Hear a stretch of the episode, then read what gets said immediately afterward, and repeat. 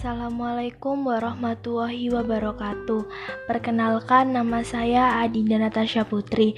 Saya dari kelas 11 MIPA 2 nomor absen 1. Di sini saya akan menyampaikan sebuah cerita pendek yang berjudul Perjuangan yang Berbuah Manis. Pada suatu hari, tepatnya di suatu kota yang terkenal dengan sebuah monumen bersejarahnya, yang bernama Monumen Tugu Pahlawan. Kota tersebut ialah kota Surabaya. Di kota ini hidup seorang anak perempuan yang sangat sopan dan ceria. Tidak hanya itu, ia juga memiliki paras yang rupawan, sehingga siapa saja senang untuk berteman dengannya. Nama anak perempuan tersebut ialah Syera. Benar Syera, lebih tepatnya Syera Nandita. Ia tinggal bersama kedua orang tuanya di Surabaya. Ia merupakan anak sematawayang di keluarganya. Syera berasal dari keluarga yang awalnya cukup berada, namun sekarang usaha orang tuanya sedang gulung tikar. Kamu cari kerja sana, lihat, di rumah tidak ada makanan. Omel Mama Syera kepada ayahnya. Kamu bisa nggak diam sebentar? Kepalaku ini pusing, pagi-pagi sudah ngomel-ngomel. Jawab ayah Syara dengan nada suara yang meninggi. Kerjaan kamu setiap hari hanya mabuk-mabukan. Mau makan apa keluarga kita kalau kamu tidak bekerja? Jawab Mama Syara sambil sedikit terisak. Teriakan ayahnya dan tangisan mamahnya, ditambah suara barang-barang di rumah yang dipecahkan, merupakan suatu hal yang biasa bagi Syara. Ia mendengarkannya hampir setiap pagi, seperti sudah menjadi sarapan bagi Syara. Sejak usaha orang tuanya gulung tikar, ayahnya selalu pulang malam dengan bau alkohol di seluruh tubuhnya. Ayahnya tidak segera mencari pekerjaan, sedangkan uang simpanan Mama Syara setiap harinya mulai menipis. Kring, kring, Kring, suara alarm Syara berbunyi. Syara terbangun dengan kondisi mata yang menyipit. Tangannya berusaha meraih alarm yang berada di samping tempat tidurnya. Namun, ternyata Jam sudah menunjukkan pukul 6 pagi yang artinya mau tidak mau Syara harus segera bangun dari posisi yang membuatnya nyaman tersebut. Syara segera mengibahkan selimut yang awalnya menutupi dirinya dan bergegas bersiap untuk berangkat ke sekolah barunya. Hai teman-teman, perkenalkan, nama saya Syara Nandita. Kalian bisa memanggilku Syara. Sapa Syara kepada teman-teman barunya dengan sangat ceria. Hai Syara, kita senang dapat sekelas dengan kamu. Semoga kamu nyaman ya berada di kelas ini. Jawab salah satu teman baru Syara dengan sangat baik. Benar, Syara merupakan siswa baru di SMA Pahlawan. Orang tuanya memutuskan untuk memindahkan Syara ke sekolah tersebut karena biaya pendidikan di sekolah Syara sebelumnya yang cukup tinggi, ditambah kondisi perekonomian keluarga mereka yang sedang menurun. Syara hanya bisa menyetujui keputusan orang tuanya tersebut, karena bagi Syara keputusan orang tuanya merupakan keputusan yang terbaik. Di sekolah tersebut, Syara mendapatkan teman-teman baru yang sangat baik kepadanya. Tidak hanya itu, Syara juga memiliki tiga orang sahabat yang selalu bersamanya mendengarkan segala keluh kesah Syera, menghibur Syera ketika keluarganya sedang ada masalah, dan masih banyak hal yang lainnya. Hai, kamu anak baru ya? Seingatku, aku tidak pernah bertemu denganmu sebelumnya, kata Sana dengan raut muka yang penuh tanda tanya. Eh iya San, bener kamu, kamu anak baru ya? Tanya Risa yang setuju dengan perkataan Sana tadi. Benar San, Riz, dia anak baru yang ada di kelasku. Jawab Lili. Hai kalian, perkenalkan, aku Syera, aku anak baru di kelas ini. Aku teman sebangkunya Lili. Sapa Syera dengan raut muka yang sangat ceria. Hai Syera, aku Sana, dan ini temanku Risa. Jawab Sana yang tak kalah riangnya dengan Syera. Begitulah awal dari persahabatan mereka. Lili yang pada awalnya sudah memiliki dua orang sahabat yang bernama Sana dan Risa. Mereka bersahabat sejak masa perkenalan lingkungan sekolah di sekolah tersebut. Walaupun Sana dan Risa saat ini berbeda kelas dengan Lili, namun persahabatan mereka tetap terjaga. Pada saat itu, ketika Sana dan Risa menghampiri Lili, mereka berkenalan dengan Syara yang merupakan teman sebangku Lili yang baru. Mereka merasa bahwa Shera merupakan anak yang sangat baik dan ceria. Terlebih lagi, sikap Shera yang sefrekuensi dengan mereka membuat persahabatan ini dapat terjalin dengan baik. Shera, kenapa sih murung aja? Kamu ada masalah? Tanya sana dengan hati-hati dan penuh rasa peduli. Shera, kalau ada masalah yang mungkin enggak bisa kamu tahan atau simpan sendiri, kamu bisa kok cerita ke kita. Sambung Lili dengan penuh pengertiannya. Benar itu kata Sana dan Lili. Cerita aja, Ra, biar kamu lega, kata Risa. Tidak kok teman-teman, hanya saja keluargaku sedang ada masalah. Jawab Syara dengan sedikit memaksakan senyuman di bibirnya.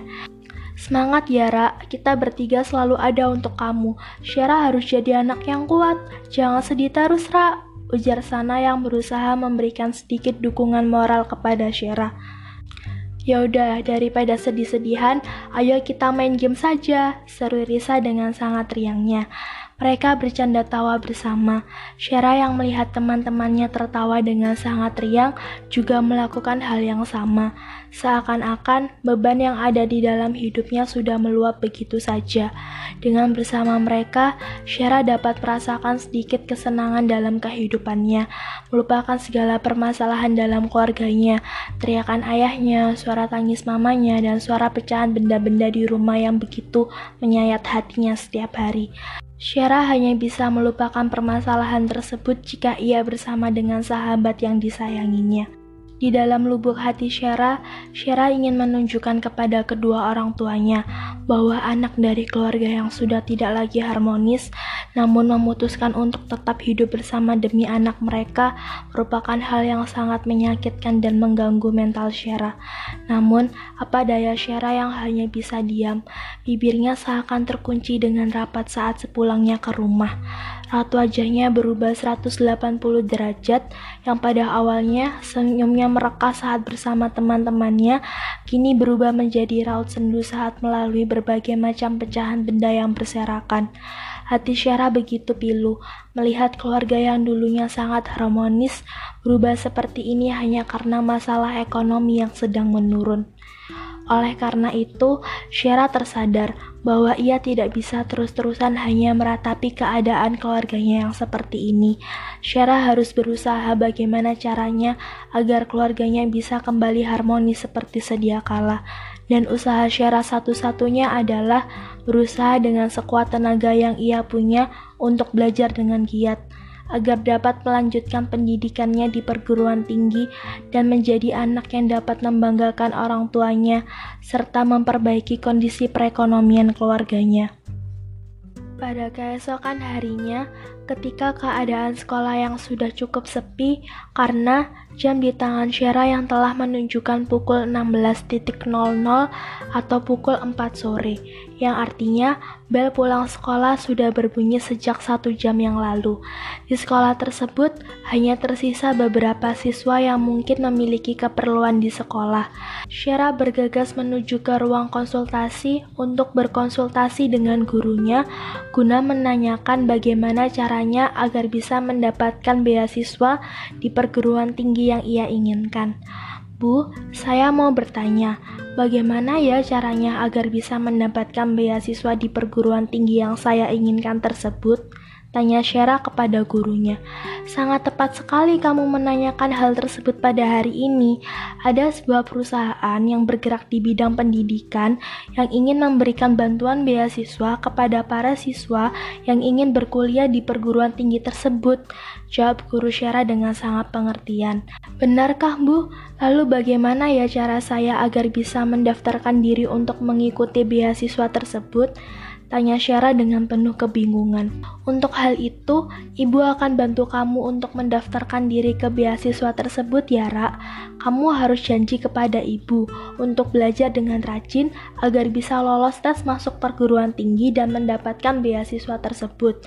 Jawab guru Syara dengan senyum di bibirnya.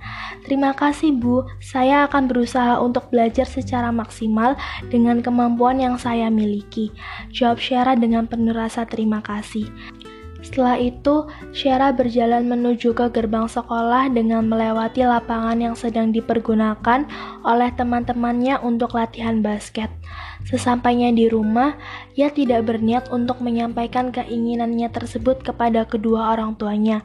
Syara berniat menyimpannya sendiri dan memberitahu kedua orang tuanya jika ia lolos tes tersebut karena Syara tidak ingin melihat kedua orang tuanya bersedih jika kemungkinan buruk terjadi, yaitu ia tidak lolos dalam tes tersebut. Namun, pada keesokan harinya, ia memberitahu Lili, dan Lili sangat mendukung apa yang diinginkan oleh Syara tersebut, yaitu mendapatkan beasiswa di perguruan tinggi yang ia impikan. Tak lama, saat jam istirahat tiba, sahabat-sahabatnya yang lain datang ke kelasnya untuk memberikan dukungan kepadanya. Mereka bertiga akan selalu mendukung Syara apa pun yang dia inginkan. Yang terpenting, itu positif dan tidak merugikan orang lain. Hari demi hari pun berlalu, bulan demi bulan pun berganti. Hari ini tiba saatnya bagi Syara untuk mengikuti tes masuk perguruan tinggi dan mendapatkan beasiswa tersebut. Bukan suatu perkara yang mudah bagi Syara ia harus bangun tengah malam untuk belajar karena hanya pada saat itulah keadaan di rumahnya sunyi dan Syara bisa belajar dengan sangat tenang. Kedua orang tuanya tidak tahu bahwa Syara mengikuti tes tersebut karena memang Syara tidak berniat memberitahukan keinginannya tersebut kepada orang tuanya. Sahabatnya lah yang selama ini selalu memberikan dukungan kepada Syara. Syara semangat ya, pasti bisa kok, seru Lili dan Risa dengan semangat. Syara harus fokus saat mengerjakan ya, kata Sana mengingatkan Syara. Baik teman-teman, aku akan berusaha dengan baik. Jawab Syara dengan penuh yakin. Pada hari saat pengumuman tes tersebut, Syara sangat khawatir. Syara segera membuka web yang berisi pengumuman tes tersebut. Betapa gembiranya Syara ketika ia dinyatakan lolos dalam tes masuk perguruan tinggi dan mendapatkan beasiswa yang sangat ia harapkan tersebut. Syara segera membuka kamar mamanya dan memberitahu bahwa dirinya lolos dalam tes masuk perguruan tinggi dan mendapatkan beasiswa. Tidak lupa, Syara juga mengabarkan hal baik tersebut kepada para sahabatnya dan mereka semua menyampaikan ucapan selamat kepada Syara atas keberhasilannya meraih mimpi-mimpinya tersebut.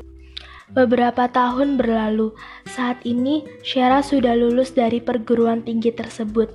Syara ingin mendirikan sebuah perusahaan yang bergerak di bidang yang sama dengan perusahaan yang pernah membantunya dahulu untuk dapat berkuliah, yaitu di bidang pendidikan. Namun, lagi-lagi bukan perkara yang mudah untuk dapat mendirikan suatu perusahaan yang sukses.